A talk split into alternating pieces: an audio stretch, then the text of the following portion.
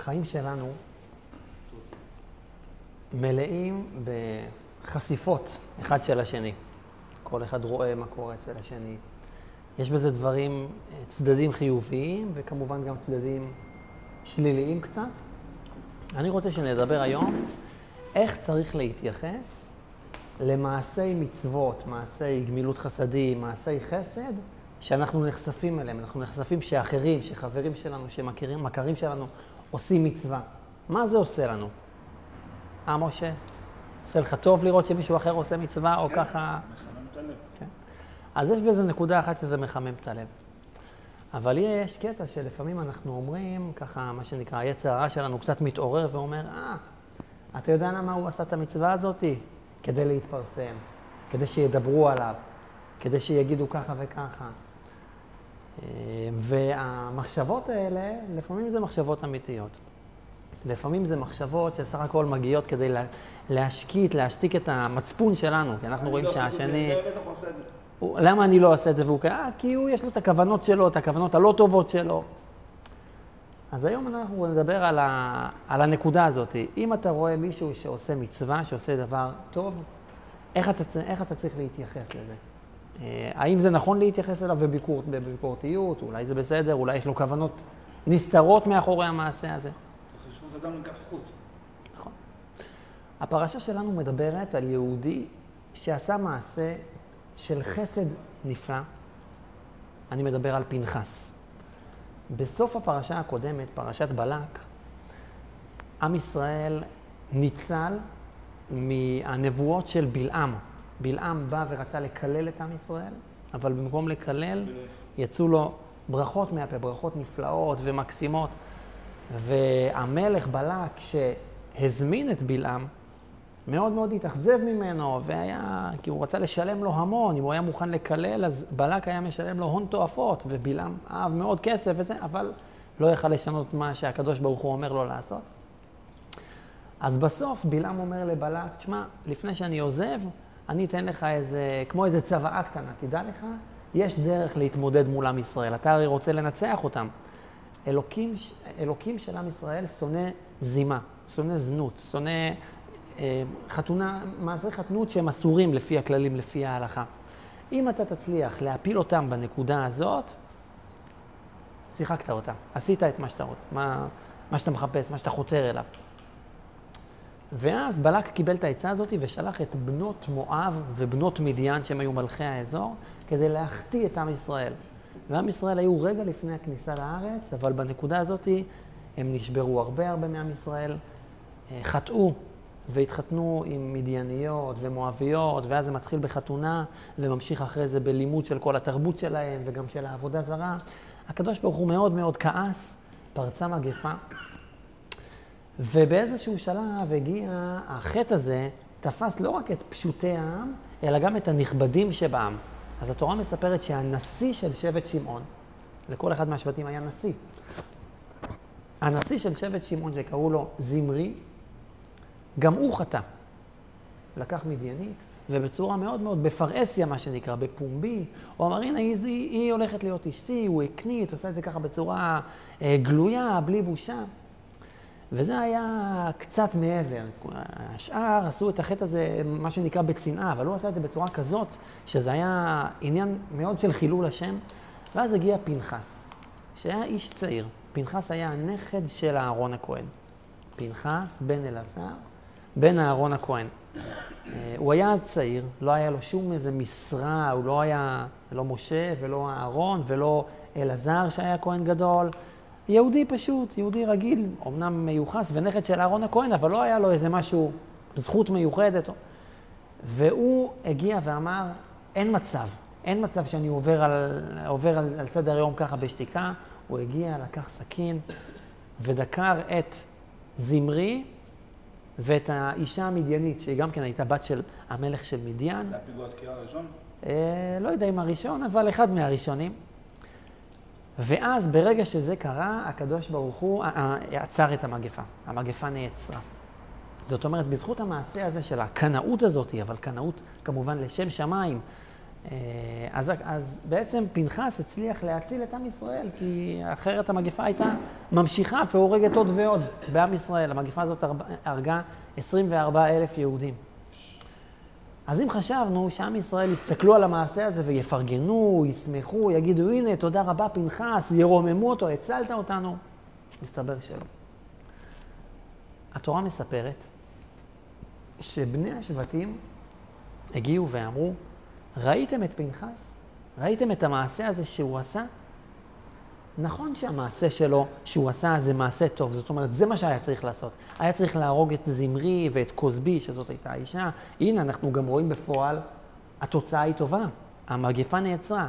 אבל, אמרו ככה בני השבטים, הכוונה של פנחס לא הייתה טהורה. היא לא הייתה לשם שמיים. ואני אגיד את הלשון של המדרש.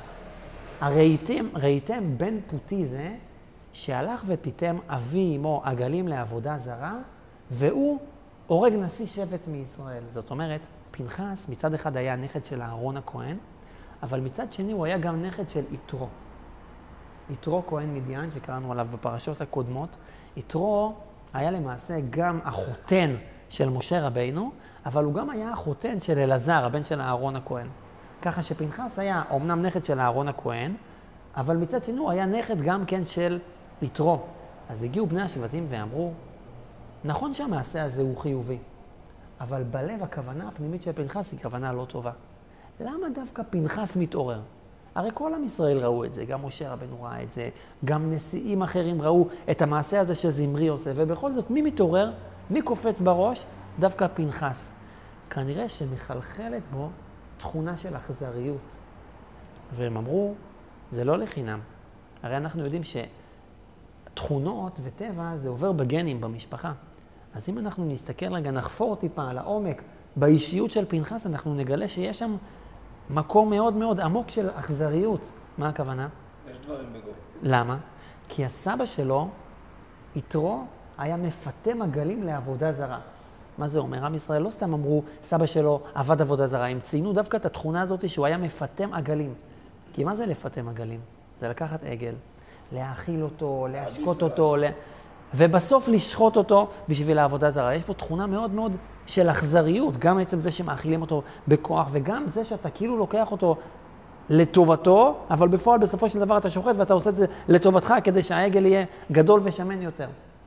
אז אמרו בני השבטים, פנחס שעשה את המעשה הזה, נכון שהמעשה הזה הוא חיובי, אבל בפנים מה שהניע אותו לעשות את המעשה הזה, זה לא מניעים לא טובים, לא טהורים, של אכזריות, אחרת למה הוא דווקא קופץ ועושה את זה? מגיע הקדוש ברוך הוא ואומר, זה לא נכון. נכון שמצד אחד פנחס הוא נכד של יתרו, אבל מהצד השני אני רוצה לייחס את פנחס, אומר הקדוש ברוך הוא, פנחס הוא בן אלעזר, בן אהרון הכהן. מי זה אהרון הכהן?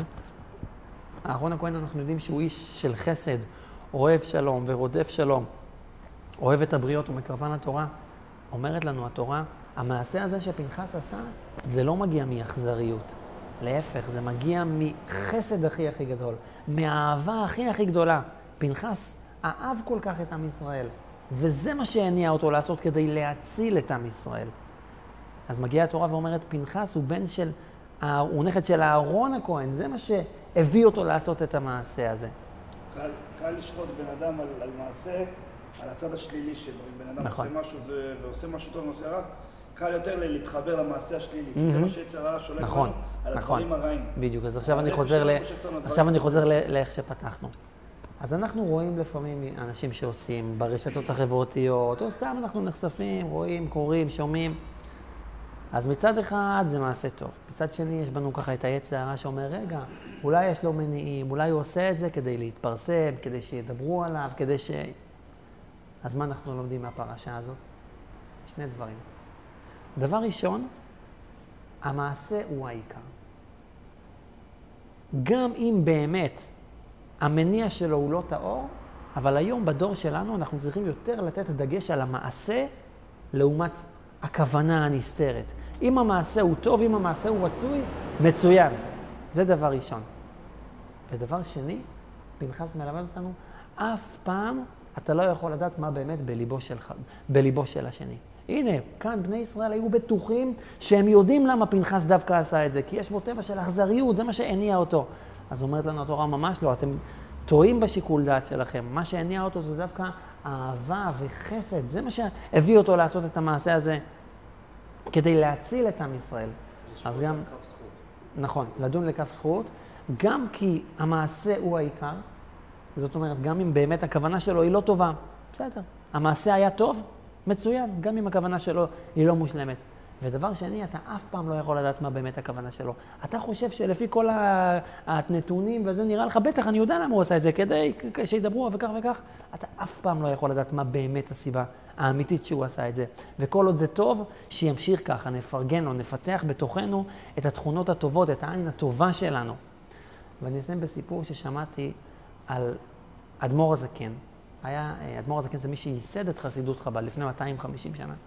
היה לו חסיד שהיה עשיר, והיה אוהב לארח, מאוד מאוד אהב לארח, בעיקר עניים ואביונים, ובאותם ימים לא היה חסר את מי להאכיל, היו יהודים רבים שהיו עניים, מרודים.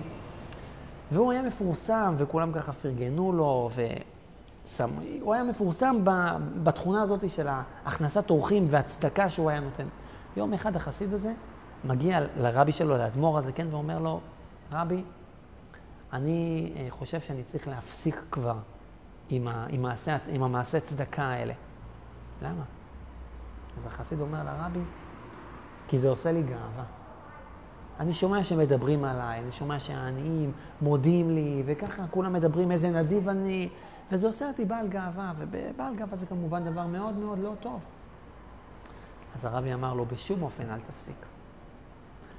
גם אם אתה עושה את זה לא בלב שלם, אבל העני שנתת לו אוכל או צדקה, הוא נהיה שבע בלב שלם. הוא נהיה שבע באמת. אז זה מה שאנחנו צריכים לזכור. המעשה הוא העיקר. נכון שצריך גם כן, כמובן, לשתף את, את כל המהות שלנו, אה, לעשות עם, עם כוונה לשם שמיים, אבל לפעמים המעשה זה החלק העיקרי גם כלפי עצמנו, כמו בסיפור הזה על החסיד והרבי, ובוודאי אם אנחנו רואים אחרים שעושים מעשים כאלה, לפרגן, להסתכל על הדברים בעין טובה ולעשות כמה שיותר טוב בתוכנו ועם הסובבים אותנו.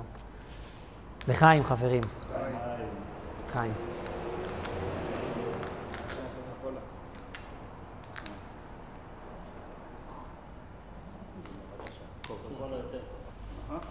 that is goal motion.